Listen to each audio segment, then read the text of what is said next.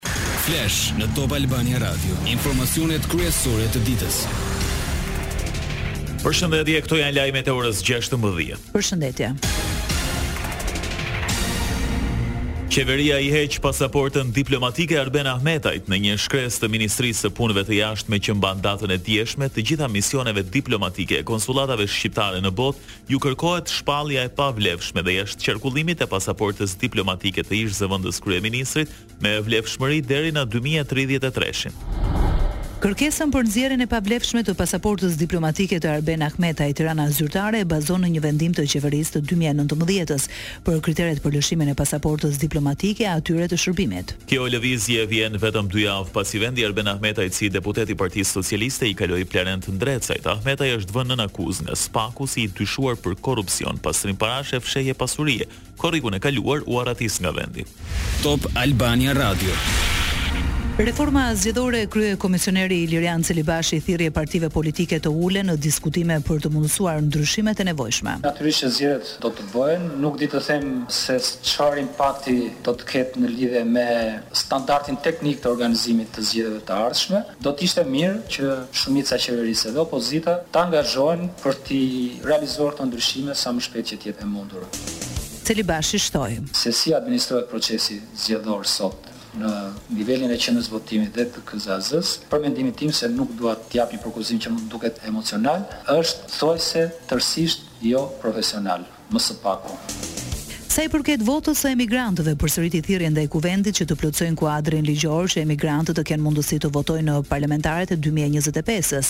Celibashi kujtoi se ky është urdhër i Gjykatës Kushtetuese që duhet zbatuar. Sa kohë që mungon ligji, çfarë akti nënligjor do nxjerrësh ti si institucion? Flamur Noka thotë se bashkimi i demokratëve është çështje ditësh. Është e vërtetë që ne kemi thënë që muaji janar do të jetë muaji i bashkimit dhe ne jemi në thuajse në përfundim të këtij procesi. Presim që kryetari i grupit parlamentar dhe disa kolegë të tjerë të kthehen nga një vizitë në Shtetet e Bashkuara të Amerikës dhe do të konkretizojmë gjithçka.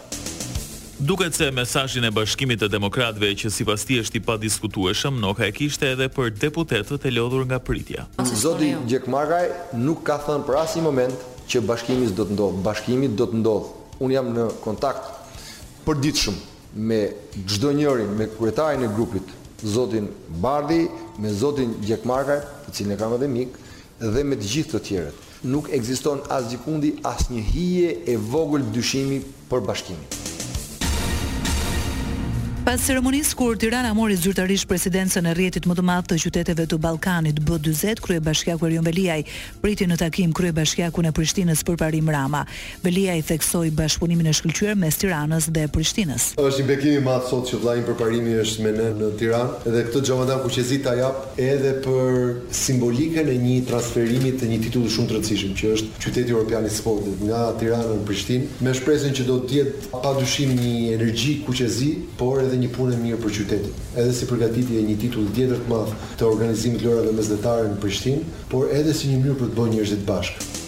Veliaj priti edhe kryebashkiakun e ri të Athinës, Haris Doukas. Është një kënaqësi e jashtëzakonshme sot që presim kryetarin e ri të Bashkisë së Athinës, Hari Dukas në Tiranë. Ai vërtet ka filluar vetëm përpara një muaji, po më vjen Vërtet mirë, më bëhet qejfi në emër patjetër të bashkisë po dhe qytetarëve të Tiranës që udhëtimi i tij i parë është në Tiranë. Uroj që ky udhëtim të jetë një ogur i mirë, të jetë sukses për ju, për stafin tuaj, për skuadrën e Athinës, edhe të jetë një kontribut i jashtëzakonshëm në një marrëdhënie shumë speciale që Tirana dhe Athina kanë bashkë.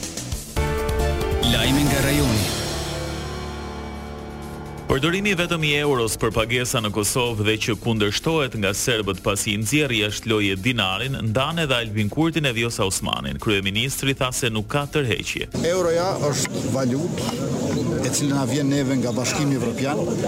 Ne nuk jemi duke i thënë askujt merre valutën lek të Shqipërisë, as ndonjë valutë të re dardan të Kosovës, por Euro. Euro si mjeti i vetëm i pagesës edhe i shitblerjes i përcaktuar në mënyrë të qartë në Republikën e Kosovës nuk është një çështje e negociueshme.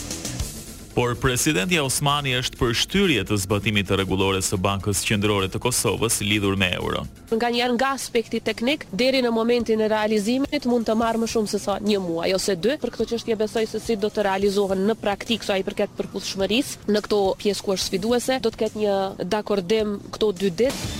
Jam për atë që zbatimi të jetë i plotë e jo vetëm në letër. Dhe të gjithë e dimë që për të pasur zbatim të plotë na duhet edhe përkrahja e aleatëve tanë.